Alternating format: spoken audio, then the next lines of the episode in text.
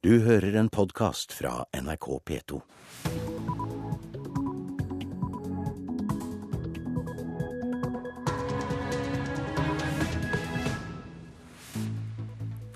Vel møtt til Nyhetsmorgen eh, på eh, tirsdag 5. onsdag 5. september. Klokka er 6.30. Sigrid Skjær Skjetne må ha blitt bortført med makt i bil, mener eksperter. Jeg har ikke sett noe i saken hittil i hvert fall som uh, tyder i noen annen retning enn at hun er blitt uh, tatt med makt. Privatetterforsker Tore Sandberg.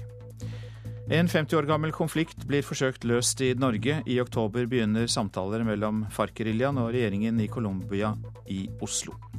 Og det er rettet trusler mot sigøynerfestivalen som arrangeres i Oslo til helgen.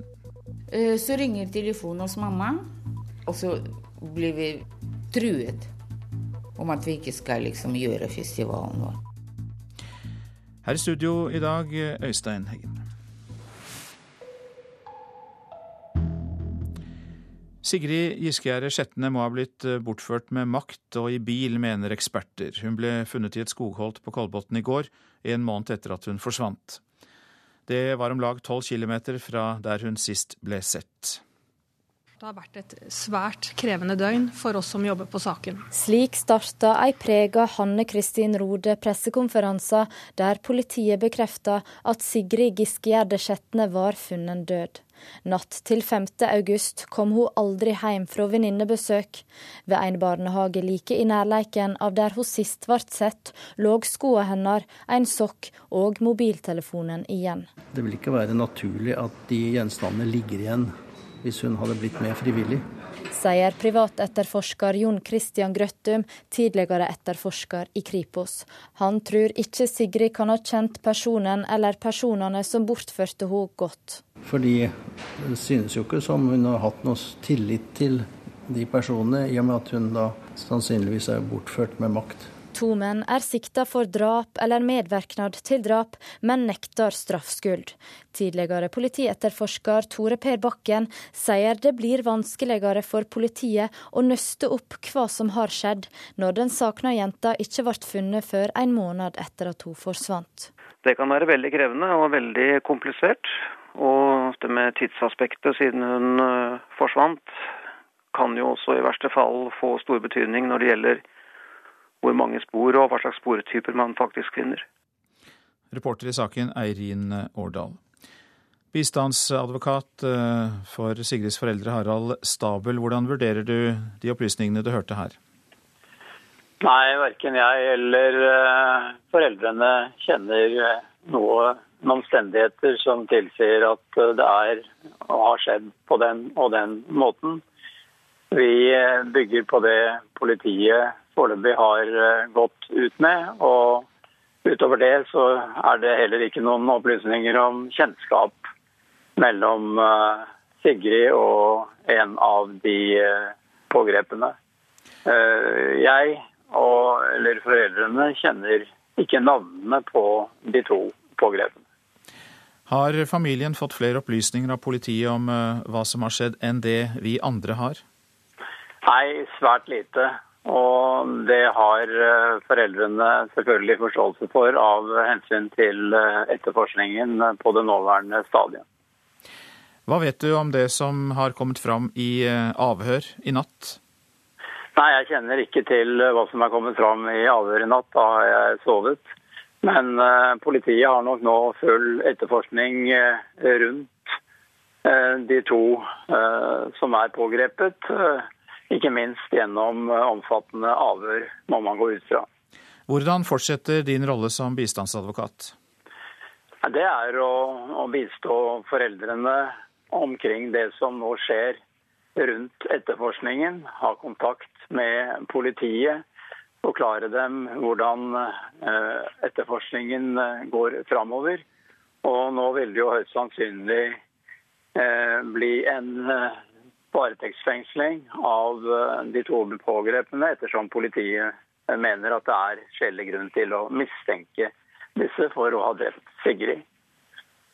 Takk skal du ha, bistandsadvokat Harald Stabel. Den siktede 64-åringen eier en rød stasjonsvogn som stemmer med beskrivelsen til vitner fra Østensjø i Oslo. Politiet har også beslaglagt en bil som den siktede 37-åringen solgte etter at Sigrid forsvant. Mens de to siktede mennene i går satt i avhør, var politiets teknikere i full sving med å gjennomgå bl.a. en rød stasjonsvogn som er registrert på den 64 år gamle Follo-mannen. Det viser et bilde VG har tatt. Vitner fra Østensjø sier til avisa at dette er bilen de har beskrevet til politiet fra natten til 5. august, da Sigrid Giskegjerde Skjetne forsvant. Anne Mette Setre og datteren Nina Setre forteller om et grufullt skrik, og at de så denne bilen. 64-åringens forsvarer Åse Karine Sigmund ville ikke si mye etter avhøret i går kveld. Det jeg kan si, er at min klient ikke erkjenner noe straffskyld. Eh, og at han ønsket å gjennomføre avhør i dag for å få politiet til å sjekke ham ut av saken. Begge mennene nekter straffskyld og hevder å ha alibi for tidspunktet da Sigrid forsvant, det skriver Dagbladet. Den 64 år gamle mannen sier han kjørte med aviser fra et trykkeri i Oslo til kommuner i Akershus, mens 37-åringen skal ha opplyst at han var på et annet sted i landet enn på Østensjø i Oslo. Politiet har også beslaglagt en grønn bil 37-åringen solgte etter at 16-åringen forsvant. Bilen skal ha skader som kan stemme med skadene fra en påkjørsel, skriver VG. Og den siktede 37-åringen er tidligere dømt for grov vold mot en ung kvinne. Reporter var Tonje Grimstad.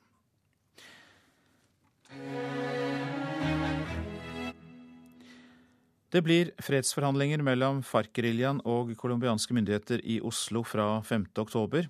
Den eh, blodige konflikten i Colombia har vart i over 50 år og koster fortsatt rundt 1000 menneskeliv i året. Velkommen, Rikard Skretteberg, du kommer fra Flyktninghjelpen. Hva kan du si om eh, bakgrunnen for konflikten? Konflikten er 50 eh, år. Den har medført at mellom 4 og 5 millioner colombianere nå er på flukt internt i Colombia. I tillegg er en halv million colombianere eh, flyktninger i nabolandene Ecuador og Venezuela og, og, Panama.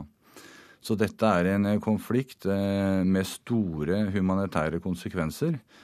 Som i utgangspunktet på mange måter var en by-land-konflikt. Det var en sosial konflikt, det var en økonomisk konflikt.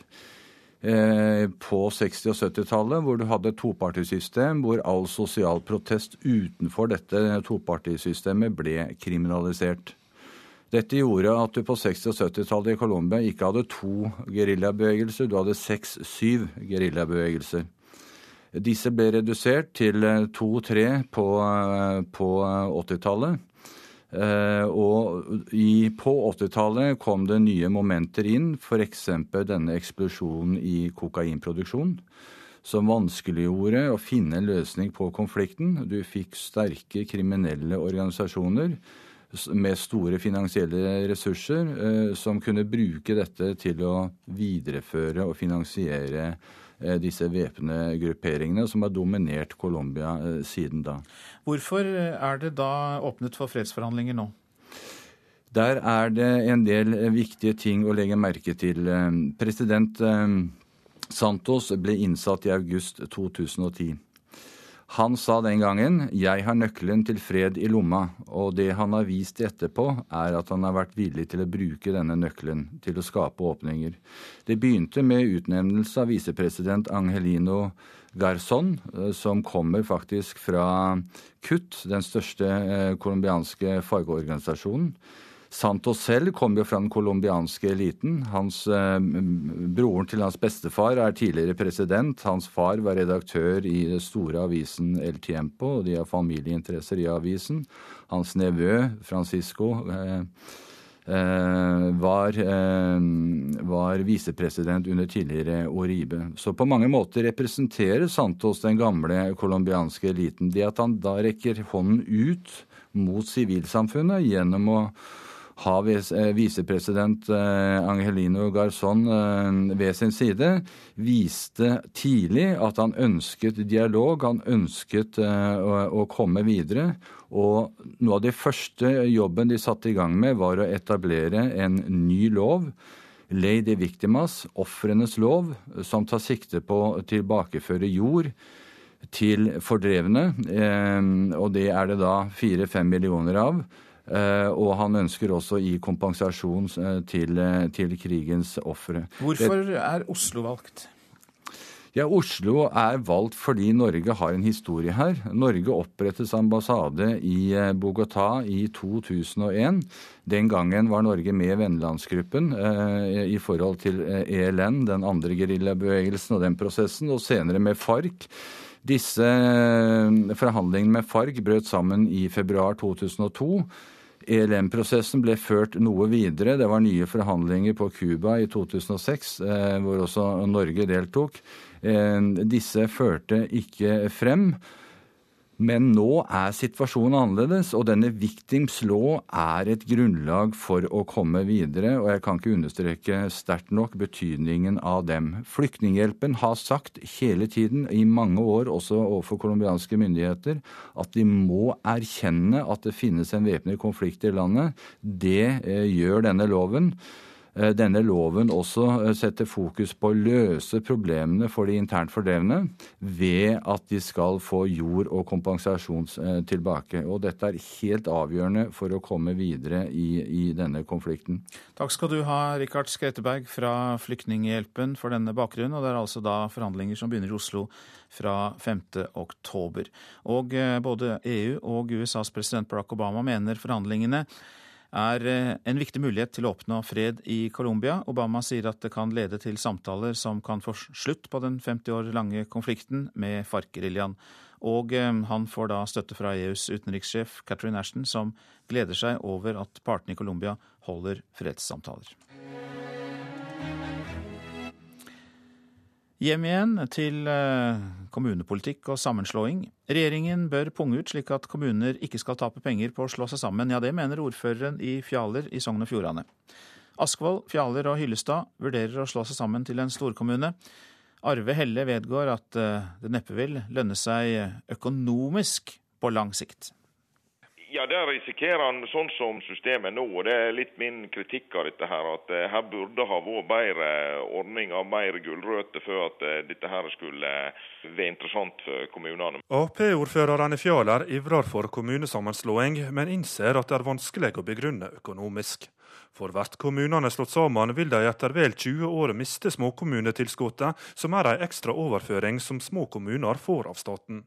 Det er innen skole og helse Fjala bruker 80% av budsjettet sitt, og Helle ønsker ikke å legge ned noe, jamvel om de blir slått sammen med Askvoll og Hyllestad. De fleste av oss ønsker jo at eh, tjenestene, altså skole, helse osv., skal være nærmest mulig brukerne. Og, og eh, da er det ikke så veldig mye å, å hente på økonomien i dette her. Men regjeringa sier de gjør mye for kommuner som vil slå seg sammen. Statssekretær Dag Henrik Sandbakken fra Senterpartiet sier de har utvida lengda på hvor lenge en får småkommunetilskudd, og en finansierer omstillingskostnadene for kommunene, som ofte kan bli på både 10 og 20 millioner kroner. Vi kan si det sånn at vi stiller veldig opp når kommunene på frivillig basis fatter vedtak om at de vil sette i gang en sånn prosess. Men Senterpartiet liker egentlig ikke kommunesammenslåinger. Sandbakken sier at den dagen de harde økonomiske realitetene slår inn, vil bygdesamfunnene i nye storkommuner bli truga av sentralisering. Ja, jeg er redd for det. Når det blir større enheter, så blir det mer sentralisering. Reporter Asgeir Reksnes. Universitetet i Oslo feilsendte i fjor radioaktivt avfall til forbrenningsanlegget på Klemetsrud i Oslo. Statens strålevern mener det har ført til ulovlige utslipp. Feilen ble først oppdaget på vårparten i år, skriver studentavisen Universitas. Til tross for strenge prosedyrer for håndtering av slikt spesialanfall, havnet to esker med den radioaktive isotopen 35S til forbrenning sammen med vanlig avfall. Dette stoffet fra Universitetet i Oslo lagres i spesielle esker, og er ikke farlig for dem som håndterer esken, men kan være skadelig når det slippes ut i friluft ved forbrenning. Nå til eh, avisene. Venner samlet i sorgen over hele landets nabojente, skriver Aftenposten etter at Sigrid Giskegjerde Skjetne ble funnet drept. En av de drapssiktede sa til Dagbladet sist søndag at han følte seg jaget av politiet. Mannen holdt seg skjult for politi og psykisk helsevern. Han er tidligere dømt for grov vold. Politiet beslagla bilen som den 37 år gamle siktede solgte, til, eh, solgte etter Sigrids forsvinning, skriver VG. Et helt lokalsamfunn i sjokk og sorg, skriver Dagsavisen. Slik støtte fra venner, naboer og ukjente har man knapt sett i en forsvinningssak i Norge. Kaffe er i fokus i Dagens Næringsliv. Oppkjøpsfondet Hercules kjøper den svenske kaffegiganten Expresso House og skal åpne ny kjede kaffebarer her i landet.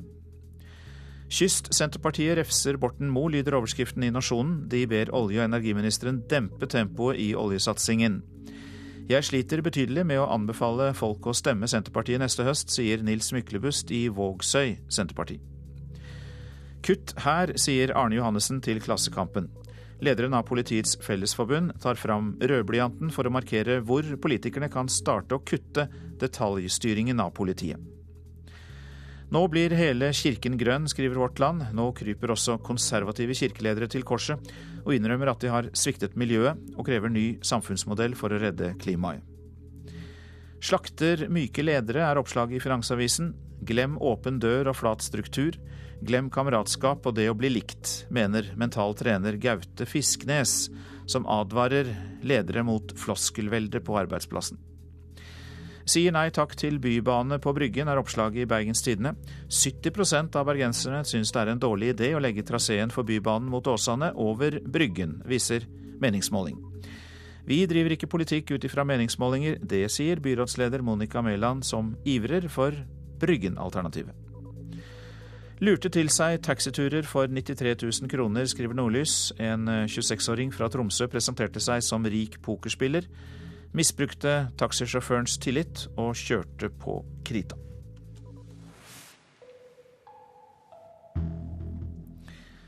Stabæk-spiller Veigard Pall Gunnarsson innser at det blir vanskelig å spille seg inn på Islands fotballandslag. For både Gunnarsson og Brede Hangeland er enige om at eh, Island aldri har vært sterkere enn før fredagens VM-kvalifisering mot Norge. Jeg er rimelig klar på at Island nok er sterkere enn de har vært på, på lenge, lenge. Og har en del uh, proffer i gode klubber. Sier landslagskaptein Brede Hangeland om Island. Og en som gjerne skulle spilt seg inn på laget, er Stabæk-spiss Veigard Pall Gunnarsson. Han ble kastet ut etter å ha brutt landslagets alkoholreglement for et år siden. Det hadde vært deilig, men jeg forventer ikke det. For med stjernespillere i flere ledd, med Tottenham Skylfi Sigurdsson som det siste store stjerneskuddet, innser Gunnarsson at det aldri har vært vanskeligere å komme med på Island sitt landslag. Vi har et lag eh, med mange unge veldig gode spillere. Spiller, spiller fast i store klubber i eh, Europa. Også Norges landslagssjef Egil Olsen mener fredagens motstander aldri har sett sterkere ut på papiret. De påstår jo sjøl at de aldri har hatt et bedre landslag, og det kan godt hende det er riktig. Ser du på hva de har ute, så har de jo ganske mange spillere i, i gode klubber, og, og i sånn halvgode klubber. Altså i Danmark, Sverige, Norge. De har vel så vidt jeg vet eh, bare eventuelt en keeper men som spiller på Island. Reporter i saken var Mats Håby. Dette er Nyhetsmorgen. Klokka er 6.48. Dette er hovedsakene. Sigrid Giskegjerde Skjetne må ha blitt bortført med makt i en bil, mener eksperter etter gjennombruddet i saken i går. Det er foreløpig ingenting som tyder på noe kjennskap mellom Sigrid og den eller de som bortførte henne, sier bistandsadvokat Harald Stabel. Og Vi skal høre at Norges Oscar-håp offentliggjøres i dag, men eh, det blir ikke nødvendigvis den beste filmen, mener redaktør.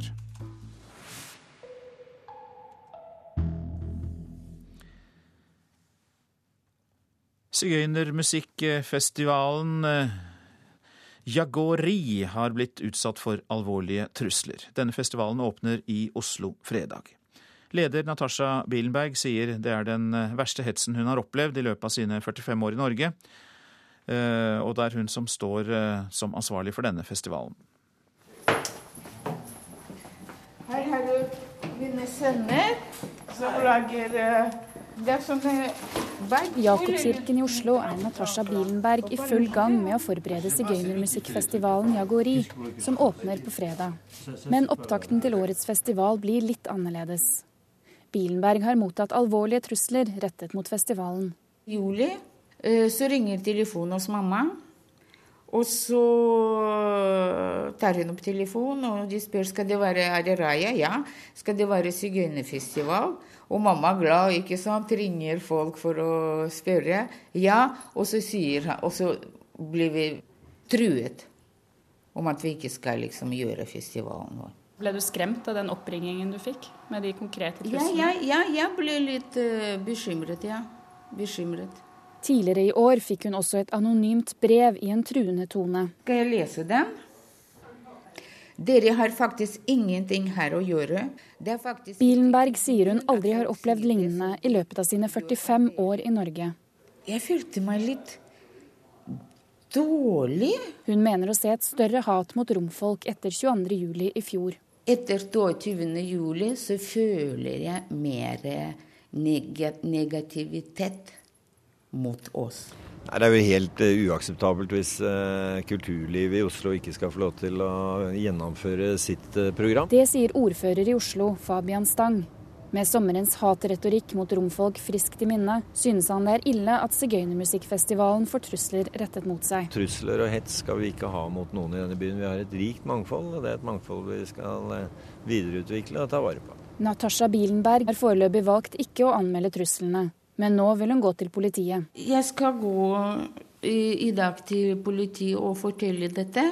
Og så får vi høre hva politiet sier om det. Oslo-politiet har ikke satt i gang sikkerhetstiltak mot festivalen fordi de ikke har hatt kjennskap til trusselen. Stasjonssjef ved Grønland politistasjon, Kåre Stølen, sier at politiet vil gjøre en vurdering av sikkerheten i samarbeid med festivalen om festivalledelsen tar kontakt. De som har mottatt trussel, må jo komme til politiet med han så vi får kjennskap til det. Så skal vi vurdere det ut sammen med arrangøren hva som skal til. Natasha Bilenberg vil ikke la seg skremme av truslene. Vi gir oss ikke. Vi er her for å vise det norske folket vår kultur, våre tradisjoner. Natasha Billenberg til reporter Ida Kvittingen. Innvandrere i Oslo klarer seg bedre på norskkurs enn landsgjennomsnittet. Voksenopplæringens tall viser store forskjeller fra fylke til fylke. Bestått norskeksamen kan ha mye å si for mulighetene til å få jobb for innvandrerne.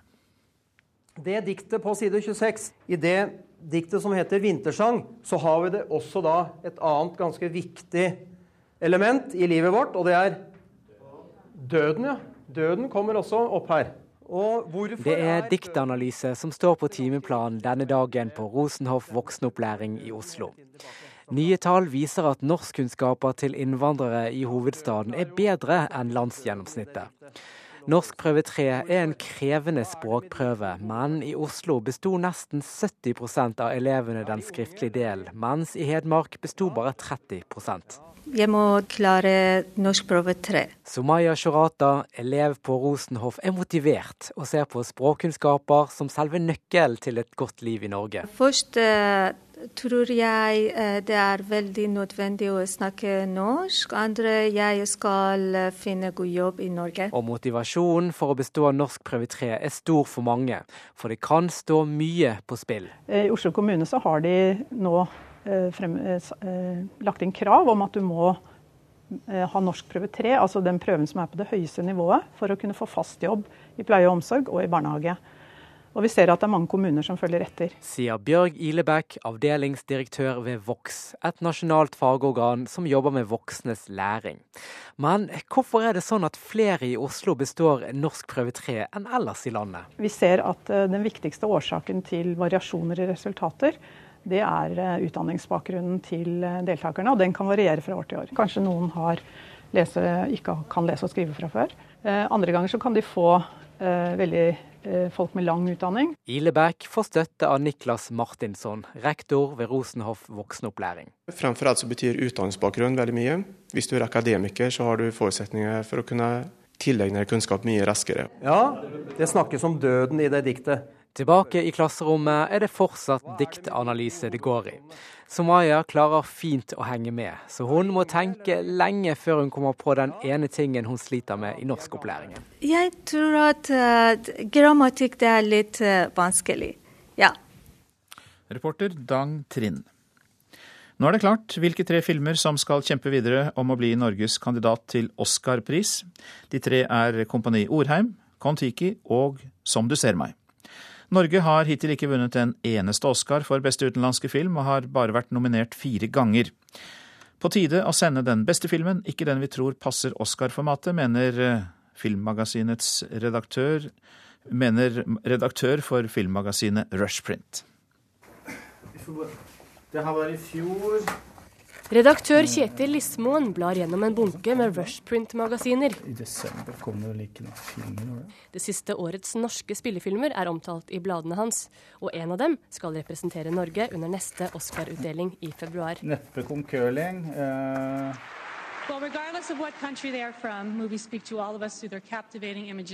Den norske Oscar-komiteen legger ikke vekt på kvaliteten alene. Også appellen til det amerikanske publikummet, distribusjon og andre lanseringsmessige hensyn blir tatt. Kjetil Lismoen tror Norge har bedre sjanser om man legger taktikken til side. Han mener filmen med høyest kvalitet bør være den som skal representere Norge. Eh, på ene siden så er det en del åpenbare valg man må ta. Altså, det handler om, om, kvalitet. Eh, men så blir det på en måte vanskelig å sitte og gjette seg til hva man tror amerikanerne liker. For med en gang man begynner å prøve å gjette seg til det, så, så, er man litt ute å kjøre, tror jeg. Altså, selvfølgelig, det er åpenbart at filmen må ha kunstneriske kvaliteter. Stine Helgeland leder den norske Oscar-komiteen. Hun forteller at de vil sende den kandidaten som har best sjanse til å vinne, og da må flere hensyn tas. Har den en emosjonell appell? Har den en amerikansk distributør?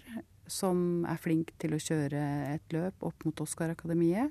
Har den en produsent som eh, er interessert i å stå på for at å reise med filmen sin over og gjøre en jobb for den. Jeg tror at man skal eh, velge etter sitt eget hjerte. Jesper Bergom Larsson var medlem av den svenske Oscar-komiteen fra 2004 til 2009.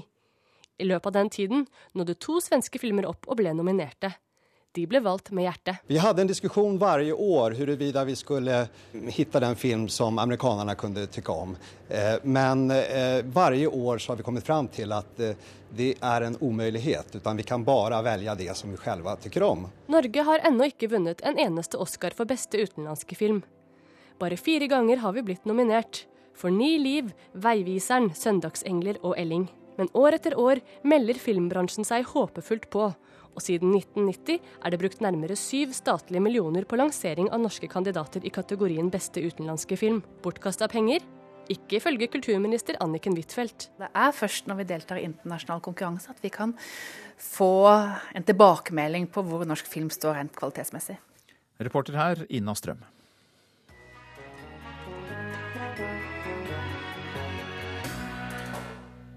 Ukrainske myndigheter vil forby barne-TV-serien Svampebob Firkant, fordi de mener verdens mest berømte svamp oppfordrer til homoseksualitet. Det skal handle om de tidligere sovjetrepublikkenes angst for homofili i Radioselskapet på P2 klokka 11.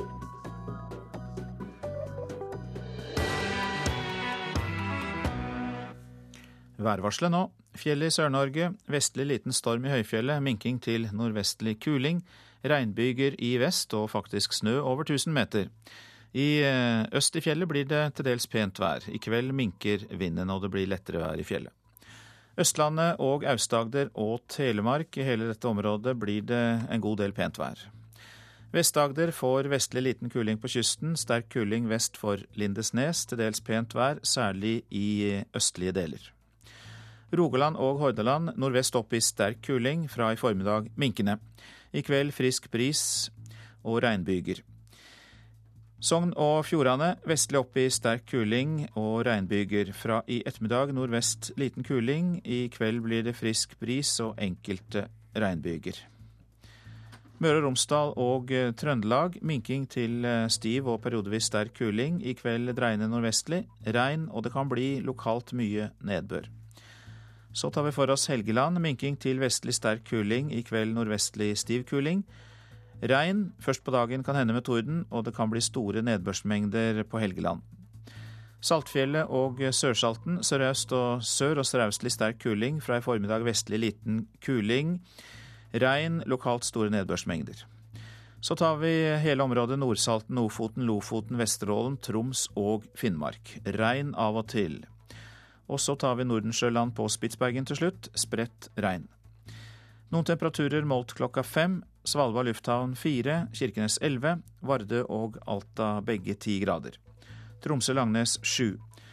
Bodø tolv, Brønnøysund også tolv, Trondheim-Værnes elleve, Molde ni.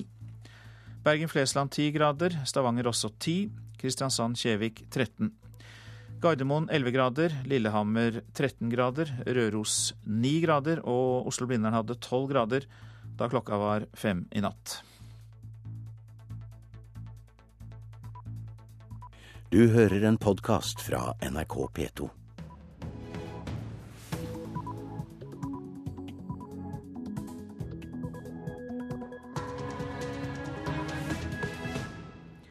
Du lytter til P2s Nyhetsmorgen.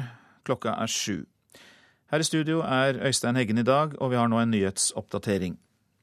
Sigrid Giskegjerd Skjetne kan neppe ha kjent den eller de som bortførte henne godt. Det virker jo ikke som det er noe nær forbindelse. Fordi det synes jo ikke som hun har hatt noe tillit til de personene, i og med at hun da sannsynligvis er bortført med makt. Privatetterforsker John Christian Grøttum. To menn er siktet for drapet. Regjeringen går inn for å gi kommunene mer av ansvaret for barnevernet. Det sier barne- og likestillingsminister Inga Marte Torkelsen. Så nå gir vi større grad av myndighet til kommunene i å eh, velge hva slags tiltak de sjøl eh, skal bruke overfor barna. Problemer med innendørsdekningen i det nye nødnettet ble varslet i en offentlig rapport allerede i 2011. Og i natt amerikansk tid, så fikk, eh, eller i natt norsk tid, så fikk Barack Obama hjelp av kona i kampen for å bli gjenvalgt. I sin tale til Demokratenes landsmøte trakk hun fram mulighetene alle amerikanere bør ha. Even if you don't start out with much, if you work hard and do what you're supposed to do, you should be able to build a decent life for yourself and an even better life for your kids and grandkids. Nyhetsmorgen. Sigrid Giskegjerd Sjetne må ha blitt bortført med makt i en bil, mener eksperter etter gjennombruddet i saken i går. Hun ble funnet i et skogholt på Kolbotn en måned etter at hun forsvant, og det er da tolv kilometer fra det stedet der hun sist ble sett. Det har vært et svært krevende døgn for oss som jobber på saken. Slik starta ei prega Hanne Kristin Rode pressekonferanse der politiet bekrefta at Sigrid Giskegjerde Skjetne var funnet død. Natt til 5. august kom hun aldri hjem fra venninnebesøk.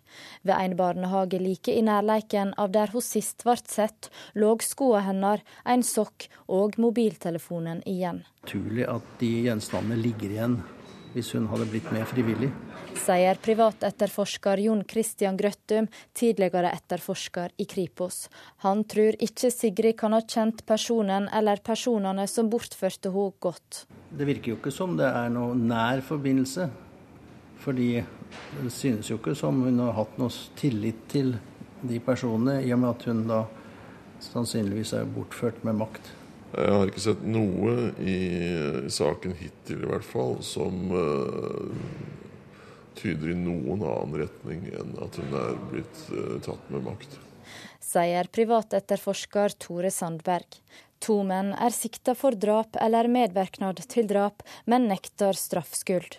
Mykje arbeid står att for politiet. Nå skal de kartlegge nøyaktig hva som skjedde med Sigrid. Teknisk etterforsker i politiet i 20 år, nå privatetterforsker Tore Per Bakken, sier det blir vanskeligere å nøste opp saka for politiet når den drepte jenta ikke ble funnet før en måned etter at hun forsvant. Det kan være veldig krevende og veldig komplisert. Og det med tidsaspektet siden hun uh, forsvant, kan jo også i verste fall få stor betydning når det gjelder hvor mange spor og hva slags sportyper man faktisk finner. Politiet har foreløpig ikke sagt hva informasjon de har og ikke. Tidligere drapsetterforsker Finn Abrahamsen sier at videoer fra overvåkingskamera i området som kan være interessante, trolig er sletta. Ut fra de datareglene vi har, så er ikke det lagret så mange dager. Så det er lite man kan regne med hvis ikke man har veldig flaks. Hvis man skulle ha glemt å slette osv. Reporter Eirin Årdal. Velkommen i studio, Gjermund Eide. Du er talsmann for familien Skjetne, har vært med å lete etter Sigrid siden hun forsvant. Og hvordan har du det i dag? Nei, Det er en uh, trist dag. Vi fikk jo det svaret vi ikke ville ha i går kveld. Og det er klart det har vært en natt og en dag i dag som er veldig trist. Hva er viktig for familien nå? Nei, nå er det viktig å få litt ro, selvfølgelig. Og la det alvorlige budskapet som kom i går, synke inn. Så ro rundt familien er det vi ber om. Hva opplever du som din viktigste rolle i tida framover? Ja, Det viktigste vi kan gjøre nå, er jo å støtte familien. Eh, vi kommer også til å avslutte mer formelt letearbeidet i ettermiddag ved en samling på Østensjø skole klokken 18. Eh, hvor vi ønsker å minnes Sigrid, og hvor vi ønsker også å takke alle de som har vært med på mange vis med å lete etter Sigrid. Men dernest blir det selvfølgelig å være nær og støtte opp rundt familien. Hvorfor tror du så mange engasjerte seg og var med å lete? Jeg tror at det er en sak som eh, mange kan eh, kjenne seg igjen i. Eh, mange har barn, og mange kjenner seg igjen i den vonde følelsen det er å ikke vite hvor ens barn er. Man har kanskje selv kjent på hvordan det er å, vite, ikke vite hvor sine barn er i fem minutter. Og her forsvant vår alles nabojente fra, på tur hjem fra en venninne og ble borte. Så den vonde følelsen det er å ikke vite hvor ens barn er, tror jeg har, har slått mange. Hvilken, eh, hva vil du si til de som kommer til denne samlinga i dag? Hva vil du oppfordre folk til? Nei, vi vil oppfordre folk til å stå sammen eh, og vise den medfølelse og den medmenneskelighet som Østensjøsamfunnet nå har vist i de ukene det har gått siden Sigrid forsvant. Det har jo vært en enorm oppslutning rundt denne leteaksjonen, og folk har kommet dag på dag for å hjelpe. Sånn at eh, det er nok det å be folk fortsatt stå sammen, eh, fortsatt støtte familien eh, Skjetne, og også selvfølgelig takke. Så vil vi jo selvfølgelig bruke anledning til å minnes Sigrid. Mange takk for at du kom til Nyhetsmorgen, Gjermund Eide, som altså er talsmann for familien Skjetne. Vi fortsetter med samme sak. Tidligere politioverbetjent Finn Abrahamsen, du er med på telefon fra Tromsø. To menn er altså siktet i uh, saken. og Hvordan vurderer du mulighetene for en endelig oppklaring?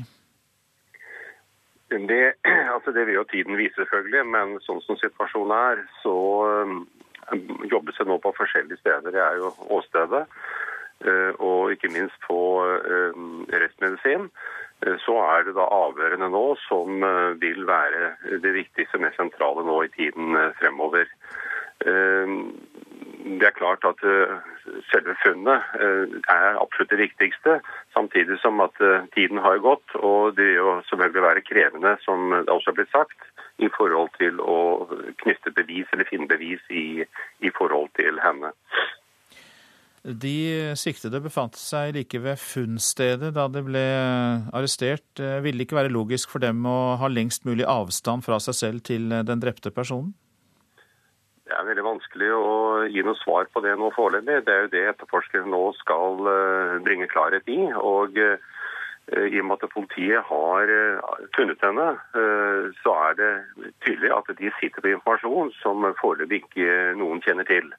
Og Det er jo det vi må håpe på og feste ri til, at der kan, altså, kan vi si svaret ligge på hvorfor hun ble funnet der, og hvorfor disse da er nå trukket inn som siktet i saken. Hvordan vurderer du sammenhengen mellom eh, dusøren som ble, som ble nevnt eh, da, da, man lette etter Sigrid, og oppklaringen? Det er også veldig vanskelig å si uh, om denne kan ha hatt noe å si. Det vil også tiden vise, fordi at uh, vi vet jo egentlig ikke hvordan politiet kom i kunnskap om dette her. Vi vet at politiet sitter også med et omfattende materiale i forhold til elektroniske spor. Det gjelder eh, bl.a. dette med mobiltelefonbruken. Hvor er, den, hvor er disse vært henne? De kan også spores der. Eh, vi vet bomstasjonpasseringer osv. Eh, Facebook er jo åpnet og går igjennom, men det kan være knytninger på et eller annet vis der som gjør at politiet får da en inngang på et eller annet vis i sin etterforskning.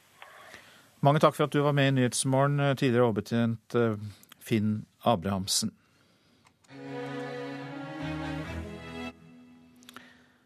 Regjeringen går inn for å flytte mer av ansvaret for barnevernet over til kommunene. Det har avdekket store problemer i barnevernet, som har fått mye kritikk. Nå vil barne- og likestillingsminister Inga Marte Torkelsen gi kommunene mer makt og innflytelse. De skal få et eh, større grad av ansvar for å følge opp barna hele veien, også etter vedtak. De skal få større grad av ansvar for å snakke med barn. De skal få større ansvar for eh, tilsyn. De skal få større finansieringsansvar og dermed større myndighet opp mot staten. Og så lovfester vi et krav til forsvarlighet. Dvs. Si at kommunene også må sørge for at de har forsvarlige tjenester til de mest utsatte barna. Barnevernet er ikke godt nok. Det viser en rekke rapporter og historiene barna selv har fortalt. At jeg fikk hjelp eh, mye seinere enn det som var nødvendig, gjør jo at jeg har en mye større bagasje å bære på nå. Jeg, mye av det kunne vært unngått. Barnevernet sliter med samarbeidsproblemer mellom stat og kommune. Torkelsen mener det henger sammen med hvordan ansvaret er fordelt i dag. Kommunene har ansvar for å finne tilbud til barna, mens staten sitter på pengesekken. Dermed har eh, staten eh, ønska å eh, veilede kommunene, og noen ganger også overstyre kommunene, sånn at de velger noe annet enn det kommunene egentlig ønsker. Regjeringens grep er å la kommunene bestemme mer og betale mer. Så nå gir vi større grad av myndighet til kommunene i å velge hva slags tiltak de sjøl skal bruke overfor barna. Eh, gi større grad av rom for å velge nærmiljøbaserte og forebyggende tiltak. Eh, og samtidig også større myndighet opp mot eh, staten. Penger til økte kommunale egenandeler skal hentes fra det statlige barnevernet. Linda Hofstad Helleland fra Høyre vil også ha barnevernet nærmere barna i kommunene. Kommunene er bedre i stand til å sikre et barnevern med høy kvalitet, stort mangfold og skreddersøm tilpassa det enkelte barn. Det massive statlige barnevernsbyråkratiet må reduseres kraftig. Mer makt, ressurser og penger må overføres til kommunene. Reporter Katrin Hellesnes. Problemene med dårlig dekning innendørs i det nye nødnettet ble varslet i en offentlig rapport i begynnelsen av 2011. I en spørreundersøkelse med politi, helse og brannvesen kom det fram at det ofte ikke er dekning inne i bygninger. Det vi ser er at det lå utfordringer knyttet til å bruke dette sambandet innendørs, eh, særlig i Oslo-området. Direktør i Direktoratet for forvaltning og IKT, Difi, Hans Christian Holte, snakker om en rapport som ble overlevert i mars 2011.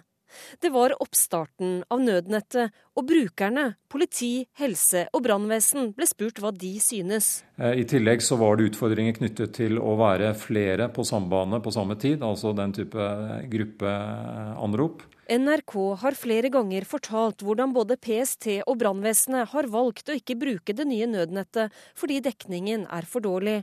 I undersøkelsen som ble gjennomført i 2010, sier politiet bl.a. at det er for dårlig dekning innendørs og i mange tunneler. Kapasiteten på nettet er rett og slett for dårlig, og meldinger kuttes brått. Det som ble påpekt i eh, denne rapporten fra 2011, det, det er også spørsmål som, eh, som, eh, diskuteres i dag. Og det er også utfordringer som, som ligger knyttet til, til dette i dag. Prosjektdirektør for nødnettet Dagfinn Sjøvik i Direktoratet for nødkommunikasjon innrømmer at de ikke har hørt nok på politi, helse og brann som bruker nødnettet. Jeg tror vi må erkjenne alle sammen at den prosessen med å få, få tilbakemeldinger inn til oss i DNK, og også i DNK, at vi behandler dem eh, hurtig og godt, den prosessen har ikke vært god nok. Det må vi bare erkjenne eh, når de tilbakemeldingene på innendørsdekning er som de er i dag. Men ble altså dekningen innendørs utbedret etter den rapporten? Vi har hatt flere eh, objekter som har fått forsterka innendørsdekning. Eh, vi har ikke, jeg er usikker på om vi har gått inn akkurat i det området og forsterka enkelte objekter der. Eh, det kan jeg ikke svare på, på, på, akkurat nå. Etter at dere fikk denne rapporten, her, mente dere da at det var forsvarlig å bruke eh, nødnettet? Svaret på det er helt klart ja.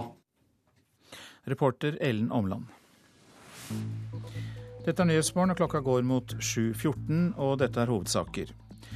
Eksperter mener Sigrid Giskegjerde Skjetne må ha blitt bortført med makt. Regjeringen ønsker at kommunene skal få større ansvar for barnevernet. Og bli med videre, så skal du få høre at mobbing skal bekjempes også i barnehagene. Nå til eh, USA. Førstedame Michelle Obama talte til det demokratiske landsmøtet i natt. Hun ba velgerne om å vise ektemannen fortsatt tillit, og understreket at Barack Obamas politiske visjoner fortsatt er de samme, og at alle skal ha samme mulighet uansett bakgrunn.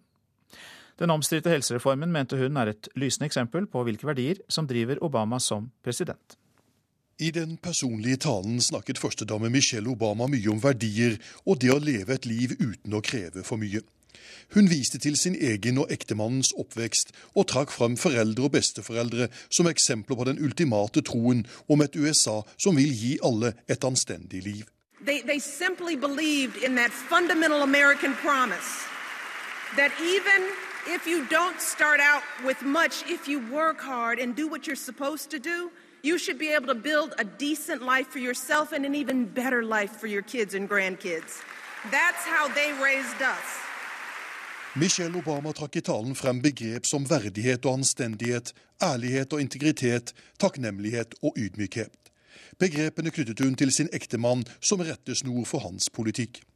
Den omstridte helsereformen mente hun er et lysende eksempel på hvilke verdier som driver ham som president. When it comes to the health of our families, Barack refused to listen to all those folks who told him to leave health reform for another day, another president.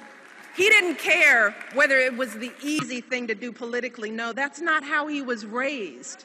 He cared that it was the right thing to do.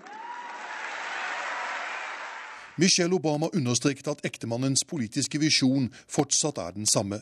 At alle skal ha samme muligheter uansett bakgrunn eller legning. Barack knows the American dream because he's lived it. And he wants everyone in this country, everyone, to have the same opportunity no matter who we are or where we're from or what we look like or who we love. I sitt personlige vitnesbyrd om sitt liv som førstedame og ektefelle til USAs president minnet hun partifellene om at hennes viktigste tittel fortsatt er mom in chief, sjefsmamma.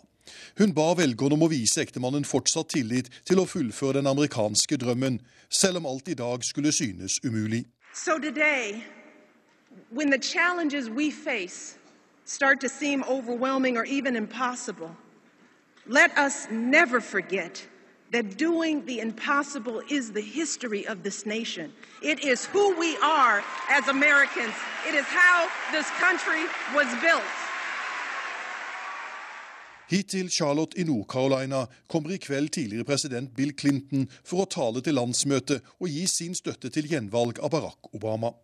I morgen kveld skal så presidenten selv i ilden med en av sine viktigste taler, som vil bli holdt på en fotballstadion med plass til 70 000 tilhørere. Jon Gelius, Charlotte i Nord-Carolina. Hilde Restad fra Norsk utenrikspolitisk institutt, du er seniorforsker der. God morgen. God morgen. Ja, Du har fulgt med på Michelle Obamas tale. Hvordan klarte hun seg? Eh, overraskende bra. Hun er jo flink å holde taler, men denne talen var mer politisk enn det hun vanligvis eh, snakker om. Og derfor var det en veldig slagkraftig tale. Det som er naturlig, er jo å sammenligne den med eh, Anne Romney sin tale i forrige uke.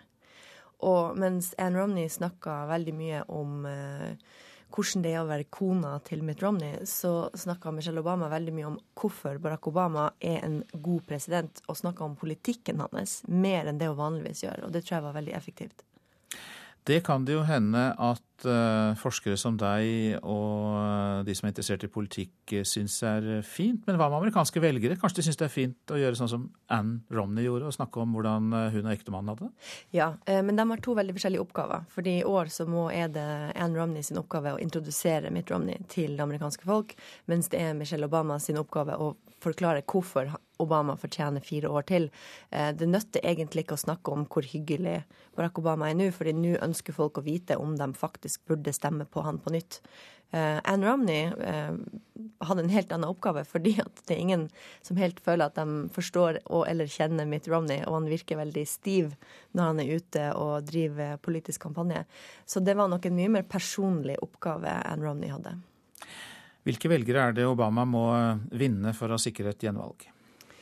Det handler ikke så mye om å vinne velgere i USA. Det handler mer om å få dem som allerede liker deg, til å faktisk gidde å stemme 6.11. Og Obama sitt store problem er uavhengige og de yngre velgerne.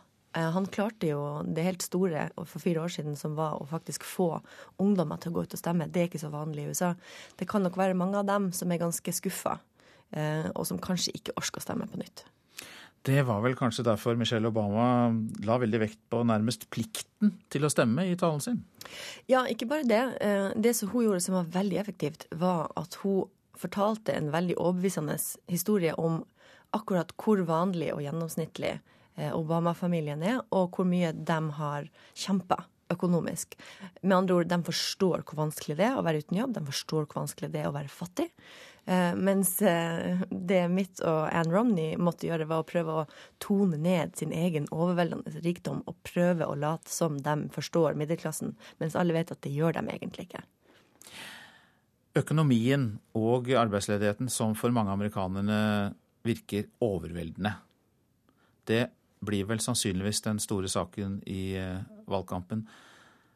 Hvordan skal Obama klare å snakke seg ut av det? Hvordan skal han klare å overbevise folk om at han kan ta fire nye år og rette det opp? Eh, det er vel eh, akkurat det som er den viktigste oppgaven til Barack Obama og Michelle Obama. Eh, og da Republikanerne har rett når de sier at Obama kan egentlig ikke drive kampanje basert på det han har gjort. Han må faktisk stå til gjenvalg på å love ting i framtida, fordi det er fortsatt ekstremt mye som Obama er nødt til å gjøre.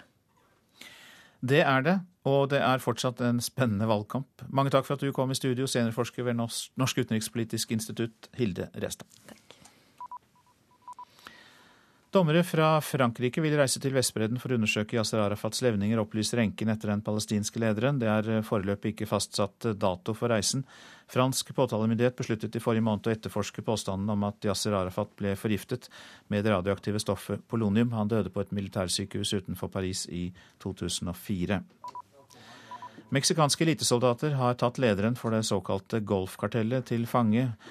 Mario Gardenas. Han er kjent som El Gordo, tjukken, og regnes som en av Mexicos mektigste narkotikabaroner.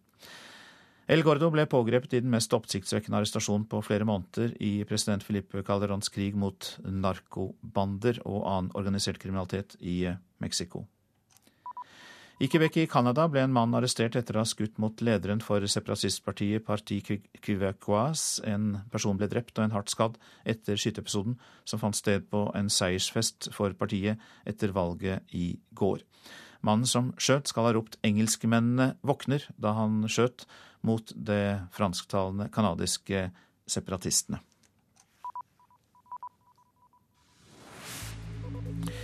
Så til avisene her hjemme. Venner samlet i sorgen over hele landets eh, nabojente, skriver Aftenposten etter at Sigrid Giskegjerde ble funnet drept. En av de drapssiktede sa til Dagbladet sist søndag at han følte seg jaget av politiet. Mannen holdt seg skjult for politi og psykisk helsevern. Han er tidligere dømt for grov vold. Politiet beslagla bilen som den 37 år gamle siktede solgte etter Sigrids forsvinning, skriver VG. Et helt lokalsamfunn i sjokk, sorg og sinne, skriver Dagsavisen. Slik støtte fra venner, naboer og ukjente har man knapt sett i en forsvinningssak i Norge. Kaffe er i fokus i Dagens Næringsliv. Oppkjøps, oppkjøpsfondet Hercules kjøper den svenske kaffegiganten Expresso House og skal åpne ny kjede kaffebarer her i landet. Kystsenterpartiet refser Borten Moe, lyder overskriften i Nasjonen. De ber olje- og energiministeren dempe tempoet i oljesatsingen. Jeg sliter betydelig med å anbefale folk å stemme Senterpartiet neste høst, sier Nils Myklebust i Vågsøy Senterparti. Kutt her, sier Arne Johannessen til Klassekampen. Lederen av Politiets Fellesforbund tar fram rødblyanten for å markere hvor politikerne kan starte å kutte detaljstyringen av politiet. Nå blir hele kirken grønn, skriver Vårt Land. Nå kryper også konservative kirkeledere til korset og innrømmer at de har sviktet miljøet, og krever en ny samfunnsmodell for å redde klimaet. Slakter myke ledere er oppslaget i Finansavisen. Glem åpen dør og flat struktur. Glem kameratskap og det å bli likt, mener mental trener Gaute Fisknes, som advarer mot floskelvelde på arbeidsplassen. Sier nei takk til bybane på Bryggen, er oppslaget i Bergens Tidende. 70% av bergenserne syns det er en dårlig idé å legge traseen for Bybanen mot Åsane over Bryggen. Det viser en meningsmåling. Vi driver ikke politikk ut ifra meningsmålinger, svarer byrådsleder Monica Mæland, som ivrer for Bryggen-alternativet. Lurte til seg taxiturer for 96 000 kroner, skriver Nordlys. En 26-åring fra Tromsø presenterte seg som rik pokerspiller, misbrukte taxisjåførens tillit og kjørte på krita. Mobbingen som foregår i barnehagene skal bekjempes spesielt denne uka. Mange har undervurdert at mobbing skjer i såpass ung alder, men fenomenet ble stadfestet allerede i 2004 av myndighetene. I år skal det vinkles positivt ved å fokusere på vennskapet de voksne kan skape mellom barna, for å erstatte mobbekulturen. Hallo. Kom inn i varmen. Her sitter vi og griller brødskivene våre. Inni en varm lavvo på Østerøy naturbarnehage i Sandefjord sitter det flere svært unge mennesker rundt bålet. Og de trenger den varmen de kan få. Denne uka pågår nemlig Utdanningsdirektoratets kampanje for 2012 Voksne skaper vennskap. Den fokuserer på å forebygge mobbing ved å legge vekt på venneforholdet blant de aller minste. Pedagogisk leder i barnehagen, Ida Kilde, synes det er utfordrende å bekjempe problemet, men at de tar situasjonen på alvor. I eh, starten av barnehageåret, eh, i august og nå videre i september, kommer vi til å jobbe med temaet trygghet og vennskap i barnehagen. Det er veldig naturlig eh, for oss. Det er noen barn som har slutta, og noen som har begynt nye. Og lekegruppene er forandra. Så vi trenger tid på å komme sammen og bli trygge på hverandre. Og vi tenker at det å ha trygghet i bånd, det skaper vennskap. Som igjen er noe av det viktigste for å unngå mobbing. Så akkurat den vennskapsuka, den eh, har ikke vi tenkt på helt når vi la opp årsplanen vår. Vi tenker at det er viktig uansett. Vi liker å hoppe i dømmevannet. Og jeg liker å hoppe på trampoline og klatre på den og skli ned i lekeland. Det er favoritten min. Syns dere det er viktig å ha venner? Ja, det syns jeg i hvert fall. Fordi da kan man leke med dem. Hvordan kan vi trøste hverandre, da? Da kan vi sånn. Og kose på kinnet sånn? Kan vi si noe til de som er lei seg, da? Ja, unnskyld. Kildi mener også de som er enda eldre, altså foreldre og andre voksenpersoner, må ta større del i antimobbingsarbeidet. Det er jo å være til stede, ikke sant. At det være eh, engasjert der barna leker. Ikke nødvendigvis å henge over de. Eh, hva leker dere med? Men at du er i bakgrunn. Og noen barn trenger hjelp til å komme inn i leken. Og de trenger kanskje hjelp noen ganger til å forstå lekekodene. Og da er det veldig godt at den voksne er der og kan gripe inn før det eventuelt blir noen konflikt. Og hjelpe til at barna kommer godt inn i leken. Og så kan man trekke seg ut igjen. Skal vi være venner? Skal vi leke sammen, du og jeg? Det å gå alene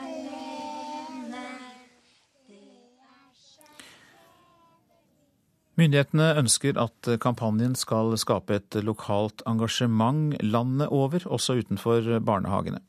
Den intense kampanjeuka slutter i morgen, men eh, kampanjen skal pågå hele resten av 2012. Reporter her var Fabian Skalleberg Nilsen. Du lytter til eh, Nyhetsmorgen. Etter Dagsnytt skal vi høre om konflikten mellom Aserbajdsjan og eh, Armenia. Boligpolitikk er et av temaene i eh, Politisk kvarter. Og dersom du har tips eller kommentarer, så kan du sende det på en e-post til eh, nyhetsmorgen krøllalfa nrk.no, altså nyhetsmorgen krøllalfa nrk.no.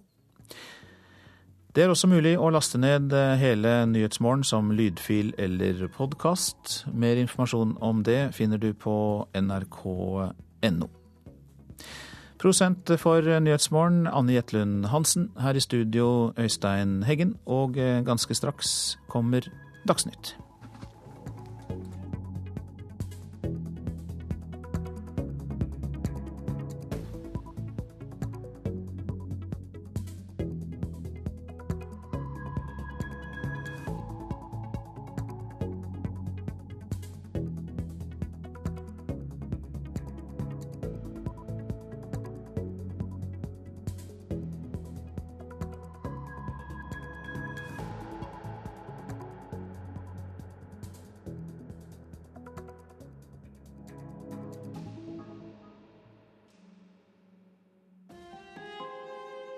Hør ekko.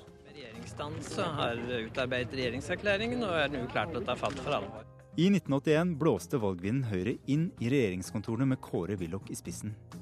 Men hvorfor var det akkurat da at Norge var blitt klar for høyrestyret? Var det ideologi? Ny rikdom? Eller Reagan og Thatcher-effekten? Ekko 9 11 i NRK P2. Sigrid Giskegjerde Skjetne må ha blitt bortført med makt, mener eksperter. Barack Obama er fortsatt en helt vanlig fyr, sa USAs førstedame Michelle da hun talte til Demokratenes landsmøte i natt. Regjeringen går inn for at kommunene skal få mer ansvar for barnevernet. Her er NRK Dagsnytt klokka 7.30.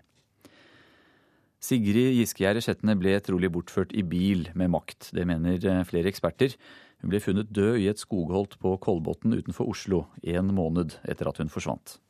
Det har vært et svært krevende døgn for oss som jobber på saken. Slik starta ei prega Hanne Kristin Rode pressekonferanse der politiet bekrefta at Sigrid Giskegjerde Skjetne var funnet død. Natt til 5. august kom hun aldri hjem fra venninnebesøk.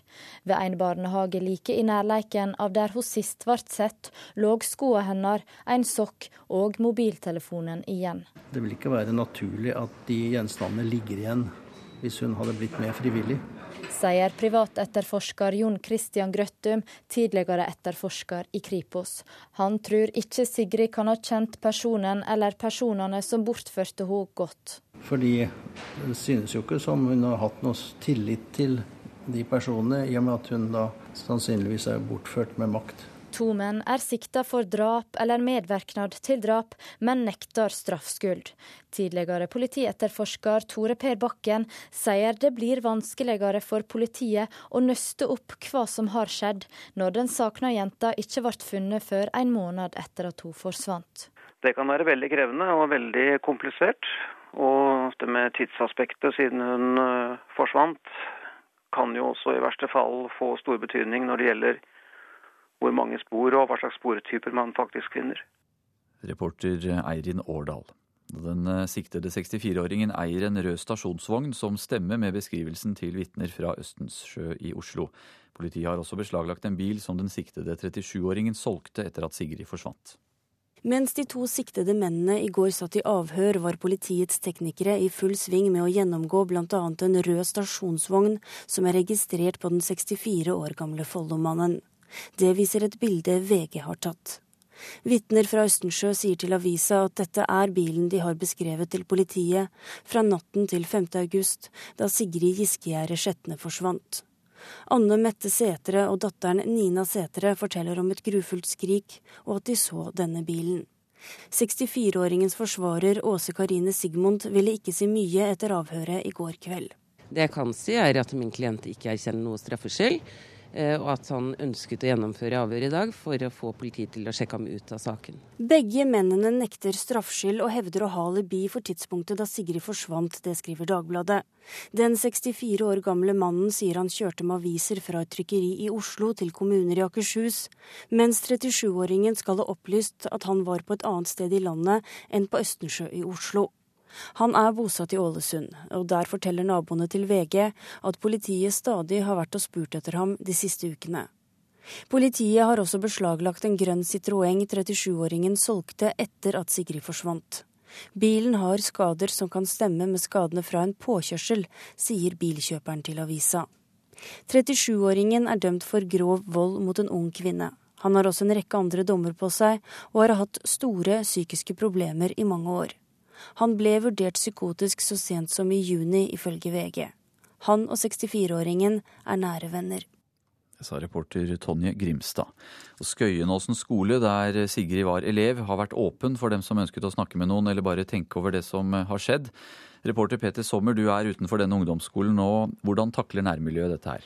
Ja, Skolen har ennå ikke åpnet. Det er ca. tre kvarter til elevene kommer her. og Jeg står ute på parkeringsplassen sammen med bydelsoverlege Kari Bjørneboe i bydel Østensjø. Og Bjørneboe, eh, hvordan var gårsdagen for dere? Eh, rett etter at det ble bekreftet at det var Sigrid som var funnet, så åpnet bydelen lokalene her på Østensjø skole. Og vi hadde tilbud da om samtale og om å få være med i et stille rom hvor det var lys, bilde av Sigrid, eh, lav musikk, og hvor mange skrev i en bok som vi hadde lagt frem. Eh, det viste seg utover eh, kvelden at det var et stort behov for dette. Det var mange som kom, spesielt ungdom. Hva var de opptatt av? Det er så individuelt. Men det som de fleste har behov for, er å sitte ned og bare få satt ord på tankene og følelsene de har akkurat nå. Og det var de veldig flinke til. Hva kommer dere til å gjøre i dag? Vi tror at uh, behovet vil være enda større i dag. Så skolen har lagt til rette for tilbud i løpet av skoletiden. Og fra klokken 16 til ca. klokken 21 i kveld, så vil vi ha åpent her. Og da vil det være representanter fra kriseteamet, annet helsepersonell, diakon og politi vil være til stede. Takk til deg, Kari Bjørneboe, bydelsoverlege i bydel Østensjø. Og da skal vi ha andre nyheter her i Dagsnytt. Barack har levd den amerikanske drømmen, sa USAs førstedame Michelle Obama da hun i natt holdt den tradisjonelle ektefelletalen på Det demokratiske partiets nominasjonsmøte. Hun nevnte ikke den styrtrike konkurrenten Mitt Romney, men budskapet var klart. They, they simply believed in that fundamental American promise that even if you don't start out with much, if you work hard and do what you're supposed to do, you should be able to build a decent life for yourself and an even better life for your kids and grandkids. That's how they raised us. Michelle Obama trakk i talen frem begrep som verdighet og anstendighet, ærlighet og integritet, takknemlighet og ydmykhet. Begrepene knyttet hun til sin ektemann som rettesnor for hans politikk. Den omstridte helsereformen mente hun er et lysende eksempel på hvilke verdier som driver ham som president. When it comes to the health of our families, Barack refused to listen to all those folks who told him to leave health reform for another day, another president. He didn't care whether it was the easy thing to do politically. No, that's not how he was raised. He cared that it was the right thing to do. Michelle Obama understreket at ektemannens politiske visjon fortsatt er den samme at alle skal ha samme muligheter uansett bakgrunn eller legning. Jon Gelius, Charlotte i Nord-Carolina. Regjeringen her hjemme går inn for å flytte mer av ansvaret for barnevernet over til kommunene. Det er avdekket store problemer i barnevernet, som har fått mye kritikk. Og nå vil barne- og likestillingsminister Inga Marte Torkelsen gi kommunene mer makt og innflytelse. De skal få mer ansvar fordi at det er i kommunene barna først og fremst befinner seg.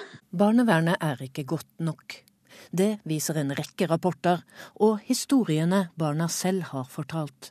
At jeg fikk hjelp eh, mye seinere enn det som var nødvendig, gjør jo at jeg har en mye større bagasje å bære på nå. Jeg mye av det kunne vært unngått. Barnevernet sliter med samarbeidsproblemer mellom stat og kommune. Torkelsen mener det henger sammen med hvordan ansvaret er fordelt i dag.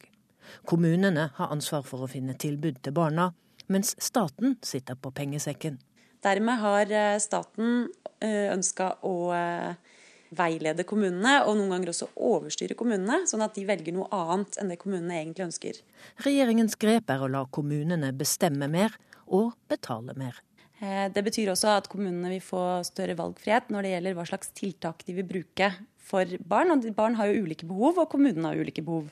Penger til økte kommunale egenandeler skal hentes fra det statlige barnevernet. Og så lovfester vi et krav til forsvarlighet. Dvs. Si at kommunene også må sørge for at de har forsvarlige tjenester til de mest utsatte barna. Reporter Katrin Hellesnes.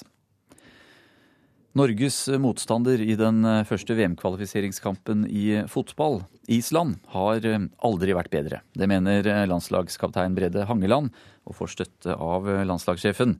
Siden Norge møtte islendingene for to år siden, har laget blitt betraktelig bedre. Jeg er rimelig klar på at Island nok er sterkere enn de har vært på, på lenge, lenge. Har en del proffer i gode klubber. Ballen inn på tre meter, og så heades det i mål! Det er Brede Hangeland Brede Hangeland skåret selv i kampen mot Island i september 2010, da Norge vant 2-1. Også i fjor møttes de to lagene, og Norge vant 1-0 på Ullevål stadion. Men i dag har islendingene flere og bedre utenlandsproffer på laget, og er en tøffere motstander, mener Hangeland. De kommer til å være steintøffe i alt de foretar seg i duellspill og innsats og, og hele pakken, så ingenting bør overraske oss i så måte. Reporter her, det var Geir Elle. Det er eh, Eirik Ramberg som har ansvaret for Dagsnytt eh, denne morgenen. Hanne Lunås er eh, tekniker. Jeg heter Anders Borgen Werring.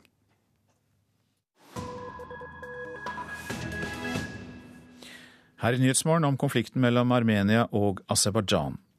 Armenia har kuttet alle diplomatiske bånd til Ungarn etter at de utleverte en drapsdømt offiser til Aserbajdsjan.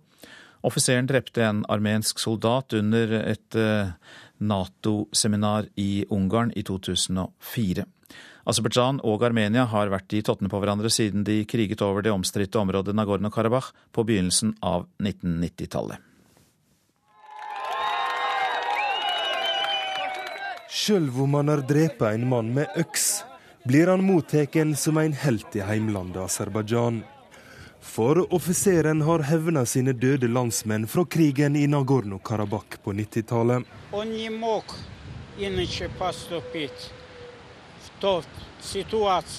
Han kunne ikke handla på noen annen måte. Alle borgere av Aserbajdsjan som er en patriot, bør være som han, sier en mann som blir intervjua av nyhetsbyrået Reuters.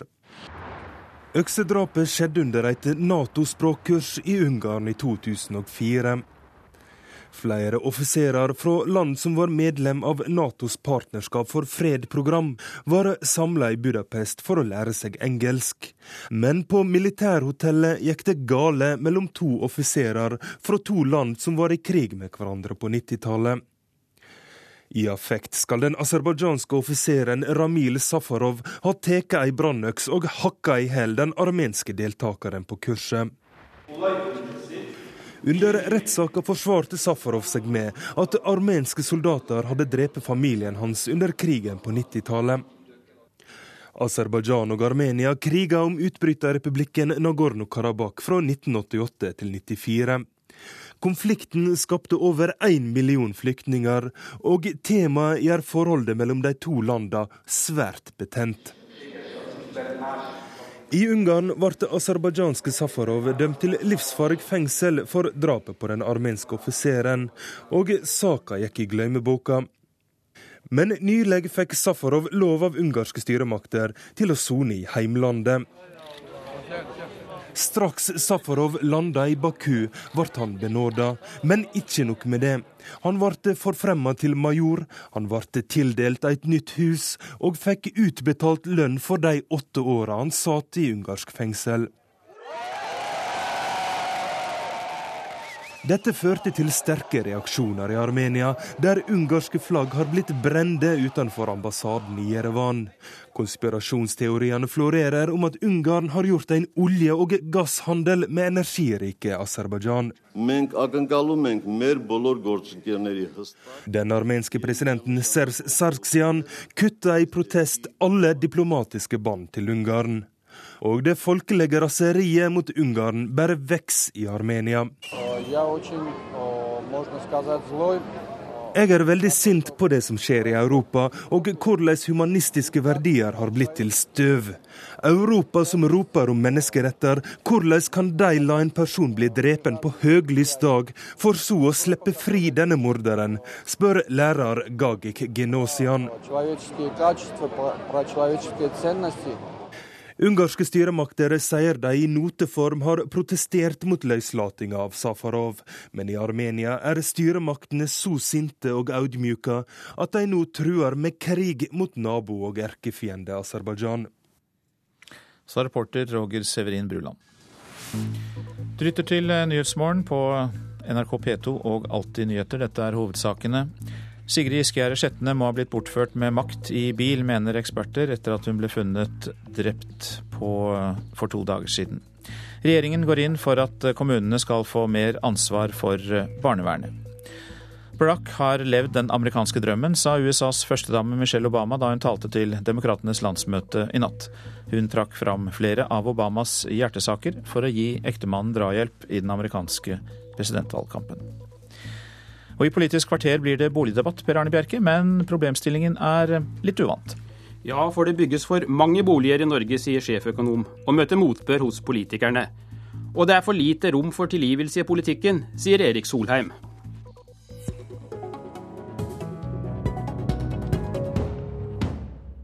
Familier setter seg i bunnløs gjeld for å få tak over hodet. 15 000 studenter står i boligkø, og ungdommen har ikke råd til å flytte fra mamma og pappa. Men du mener problemet er at vi bygger for mange boliger, sjeføkonom i Nordea Steinar Juel. Hvordan kan du si det? Jeg, jeg, jeg, mener ikke at vi bygger for mange boliger nå, men jeg, det jeg er redd for, er at vi, at vi, nå skal sette i gang en sånn hysteri rundt dette med boligbygging. At vi skal gjenta den feilen som uh, Eh, Spania og Irland gjorde, nemlig at de, man hadde stor innvandring av uh, utenfra. Og det skapte, fordi man hadde kraftig vekst i økonomien. Det skapte mye behov for både veier og boliger og skoler. Og, sånt her. og så bygde man, og så skapte det igjen enda behov for enda mer boliger. Og så var man inne i en spiral som ga en både bygge- og boligboom. Og, og så sprakk det. Hysteri, sier du, men er det ikke nettopp flere boliger vi trenger da, når ungdom ikke greier å skaffe seg tak over hodet? Nei, altså, altså, At vi bygger bolig er, er, på et nivå som vi nå gjør, har ikke jeg noe problem å gjøre. Og at man også eventuelt uh, speeder opp uh, saksbehandlingen i kommunen og sånn, det er helt greit. Men jeg ser sånn tilløp til den diskusjonen man nå har, om at nå er det håpløst å få bolig, og nå er det håpløst å, å kjøpe bolig, og det er så dyrt. Men ser du også på reelt hva folk betaler for en bolig nå, med renter og avdrag når de kjøper en bolig, så er ikke det spesielt høyere enn det det var for bare få år siden. Fordi renten er lav. Dette er rentedrevet, mye drevet av at det er billig å låne. Og Det er vel du som er en av hysterikerne, da. Torgeir Micaelsen, og leder i eh, Stortingets finanskomité og også medlem av Arbeiderpartiets boligutvalg. Og du vil bygge flere boliger. Er det noe du ikke har forstått? Eh, nei, det tror jeg ikke. Fordi eh, det er riktig at vi har høy innvandring. Men selv om du holder det til side, så er det eh, de åra vi har bak oss, ikke i nærheten av å bygge nok boliger til å møte befolkningsveksten i Norge engang. Og når vi i tillegg vet at der folk ønsker å bo, altså inn mot de store regionene, inn mot de store byene, der er, der er situasjonen enda mer alvorlig. Nå mener ikke jeg at vi skal svartmale, for det bolig i Norge er ikke noe svart kapittel. Snarere tvert imot. Vi er et av de landene som har best bokvalitet, hvor flest eier sin egen bolig. Men jeg tror at uh, vi ikke kommer utenom at uh, hvis vi i åra som kommer, også skal ha anledning til folk som ikke har de aller høyeste inntektene, til å bo i nærheten av der de kunne tenke seg å jobbe, så må vi bygge flere boliger. Uh, og alternativene er å enten kutte kraftig tilgang på kreditt, eller drastiske skatteendringer, som jeg ikke ønsker å ta til orde for. Ja, Steinar Juel, hva er det egentlig du vil gjøre for noe for ja, altså, å løse det som i fall mange oppfatter som et boligproblem i dag? Ja, Dette det, det er primært drevet av, eh, av, at vi har lav rente, og at det er etterspørselen til boliger som er veldig høy. For det er veldig gunstig å kjøpe bolig i Norge, så, så jeg ville gjerne selv om jeg personlig ikke vil ha høyere skatt på bolig, så er, det, så er, det, en vridning over til boligbeskatning som kunne vært en løsning. Det er det ingen politikere som tør ta i. Eh, men rentene renten er for lav, eh, og den driver det. Og jeg ville også hatt renten noe høyere. Og så er det, Men hvis man da ikke kan heve renten mye, så må man dempe også etterspørselen i økonomien gjennom, gjennom, det vi kaller finanspolitikken, altså gjennom budsjettpolitikken. Bruke mindre oljepenger i Norge. Vi løser ikke prisproblemet med å bygge mer boliger. Jeg snakket med en, med en boligutvikler i går som sa at problemet nå er ikke at det er mangel på tomter, men det er problemet at det er for høy kostnad ved bygge fordi entreprisene er så høye. Eh, Steinar Juel, er noe jeg ikke skjønner. Gjelder ikke da reglene om tilbud og etterspørsel på boligmarkedet? Altså Når det blir flere boliger, skulle ikke da prisene også gå ned? Jo, det skulle høres sånn ut. Men eh, det som skjer, er at vi må importere mer arbeidskraft utenfra, og de skal ha sted å bo, de også. Eh, så, i den fasen hvor du holder på å bygge her, så vil, eh, vil, du ikke løse problemet med det. Og Dessuten så er det du bygger av flere boliger, er forsvinnende lite i forhold til det som er liksom, mengden boliger i, eh, i, omløp. Om du bygger 10 000 flere boliger, så er det 2,5 millioner uh, husstander i Norge omtrent. Så er det forsvinnende liten økning i liksom, tilbudet av boliger. Høyere rente, sier Juel. Hva mener du, Torgeir Micaelsen? Ja, altså Alt annet likt. Hvis vi skulle, skulle ha Norge helt uten å ta hensyn til hva som skjer i verden, burde renta vært høyere i Norge. Det er det ingen tvil om. Og det er ingen tvil om at også lave rentenivå er det en del folk som dessverre eh, gambler litt med skal holde seg, og vil få problemer den dagen eh, rentene går opp. Eh, problemet er at det er det ikke så mye vi får gjort med, fordi situasjonen i Europa og verden for øvrig er så dårlig. Eh, men jeg er enig i at det også er kredittdrevet, den eh, prisutviklingen vi ser på bolig. Det er derfor bl.a. jeg har sagt eh, at vi ikke bør overstyre Finanstilsynet, som har satt noe krav om 15% egenkapital ved inngåelse av nye boligkontrakter. Det er, det, det er svært omstridt politisk, men det er riktig å gjøre det, fordi det kan sikre at folk ikke kommer i problemer hvis boligprisene skulle falle. Men jeg syns likevel det blir for lettvint å si at man bare ja, får trekke på skuldrene og gjøre ting som alle vet er helt, uh, altså, helt umulig å gjøre over natten, nemlig et svær omlegging av skattesystemet. Det er heller ikke ønskelig, for jeg ønsker at folk skal kunne bo i sin egen bolig. Uh, så jeg mener at svaret må uansett bli at vi må legge til rette for å bygge flere boliger. Og vi må bygge mer variert enn i dag. Flere utleieboliger, langt flere studentboliger og en mer variert boligutbygging i og rundt de stedene. Og så må jeg si til slutt en måte å løse dette på er å bygge mye mer jernbane inn og ut av de store byene. Slik at man kan mm. f.eks. bosette seg i Mjøndalen, hvor jeg kommer fra, hvor boligprisen er noe helt annet enn det er i Oslo. Steinar Er problemet egentlig at vi bygger altfor kostbare boliger? At vi har vent oss til en altfor høy standard? Ja, det kan godt være det. er det. Og til dels også at, eh, at, at, man kanskje tror at alle skal bo i eh, sentrum av Oslo, for å si det sånn, eller sentrum av store byene. At kravene er veldig store til det. Og det er, du skal ikke langt ut av byen før prisen er helt annerledes. Så det, jeg er helt enig med det du sier her, at eh, å, å bedre jernbane og kommunikasjonen inn til de store byene vil hjelpe kolossalt. Michaelsen? Ja, og så skal vi selvfølgelig legge til rette for en, en, stram finanspolitikk. Det er krevende økonomiske tider generelt. og Jeg oppfordrer alle til å være nå forsiktige med hva man påtar seg av uh, ny boliggjeld. Den lave renta vil ikke vedvare. Og så skal vi politikere prøve å gjøre det vi kan for å gjøre en, eh, en, en, en, forsiktig, men riktig utbygging av mer boliger enn i dag. Jeg tror det er riktig grep. Du vil ikke følge rådet til jul altså om å skru på bremsene og ikke bygge så mange boliger fremover? Ja, men Problemet er at vi bygger ikke så mange boliger. Eh, først nå i år har det tatt seg ordentlig opp. Men hvis du ser sammenlignet med hvordan befolkningsutviklingen har vært de siste årene i Norge, så er vi ikke i nærheten av å møte det behovet med eh, økt boligbygging. Så, jeg er litt overrasket over at man bare ensidig skal si noe at nå får man da legge boligplanen i, i, i, eh, altså i, lomma, og så får man si til folk at vel, vel, de høye boligprisene de får bare vedvare. Eh, eller gjøre helt eh, urealistiske grep på skatt- eller kredittsiden. Det er egentlig det som er alternativet, etter min mening. Jeg sier ikke at man skal legge bolig, alle boligplaner på, på, hylla. Det jeg sier at, at, vi må ikke sette i gang nå et hysteri om at man, bare, at man kan bygge seg ut av at boligprisene nå er høye. Det, det er rentedrevet mye, mye. Og jeg advarer mot at man liksom setter i gang en prosess som gjør at vi ender opp der Irland og Spania er. Vi er ikke der ennå, og det er langt fram til vi er dit. Men det begynte også slik i de landene for en 15 eh, år siden.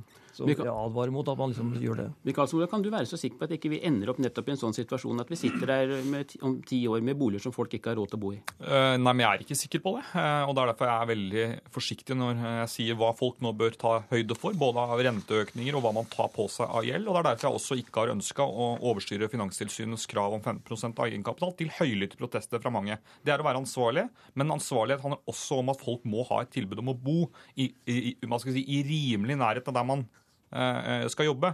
Og hvis sykepleiere, politifolk, andre viktige folk i ja, NRK-ansatte for den saks skyld, skal kunne skal si, bo i hvert fall rimelig nærhet til der man jobber i framtida, så må det bygges flere boliger i de store byene, utafor de store byene og i der hvor, ja, områder hvor folk ønsker å bo. Takk skal dere ha, Torgeir Micaelsen og Steinar Juel.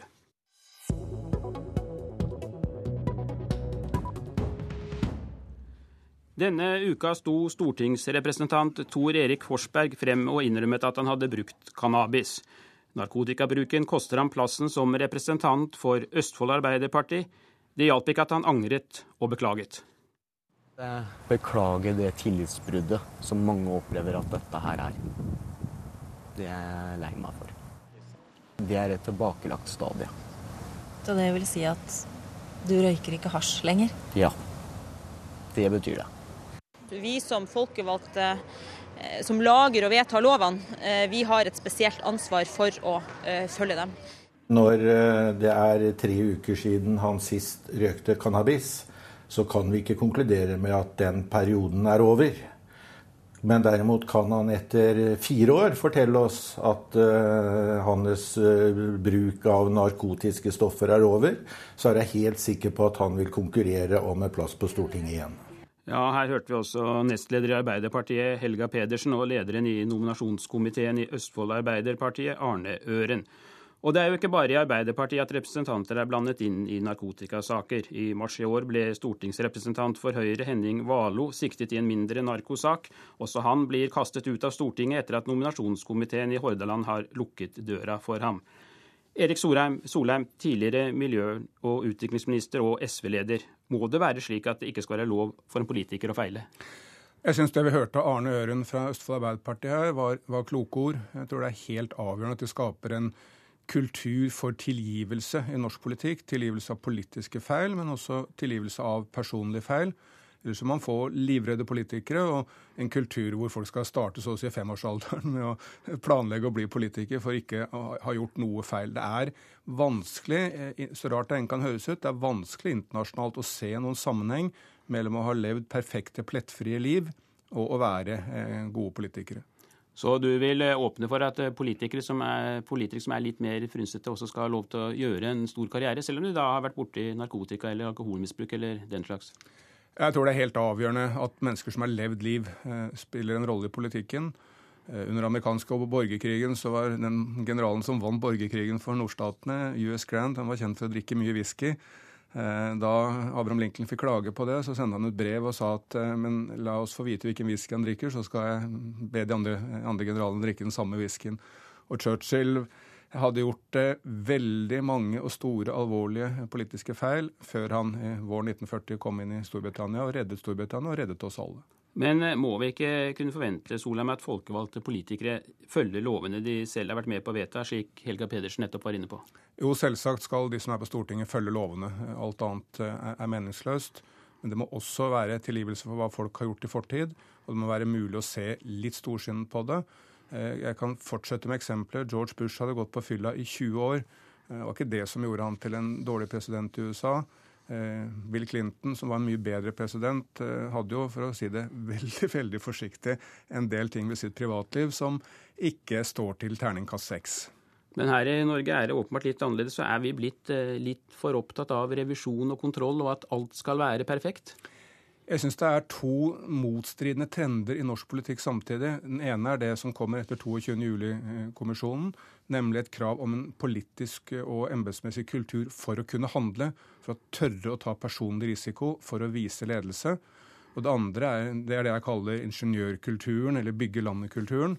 På den annen side har vi revisorkulturen, hvor vi skal passe på at alt foregår på en perfekt måte. At økonomireglementet er riktig håndtert, at habilitetsreglementet er riktig håndtert, at alt er i åpenhet, at alt er riktig arkivert. Alt dette er ting som jeg har vært med på å vedta. Riktige ting i og for seg.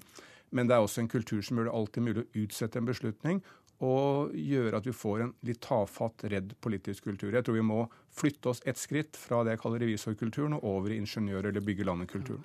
Ja, Du er inne på åpenhet, og det har jo vært et av de mest eh, brukte ordene i politiske festtaler det siste året. Men eh, det vi ser nå, viser vel at åpenheten har sin pris?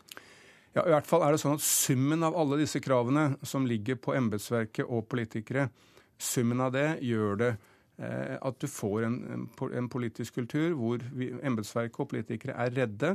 De er redde for å bli hengt ut i media, redde for at eh, Riksrevisjonen skal påpeke feil, eh, redde for at noe skal komme fram som ikke er prikkfritt. Uh, og Det gjør at det alltid er mulig å utsette en beslutning, alltid mulig å vente med beslutning, alltid mulig å prøve å la noen andre ta beslutninger, slik at man ikke selv blir stående ansvarlig for det.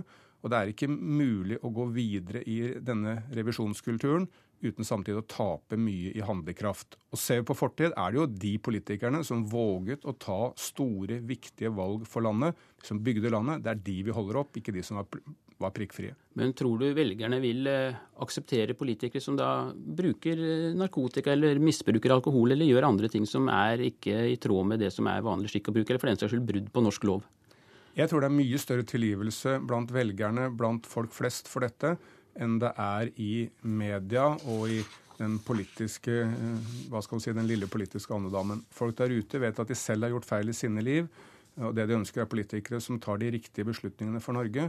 Ikke nødvendigvis folk som har vært plettfrie siden de kom ut av mors liv. Takk skal du ha, Erik Solheim.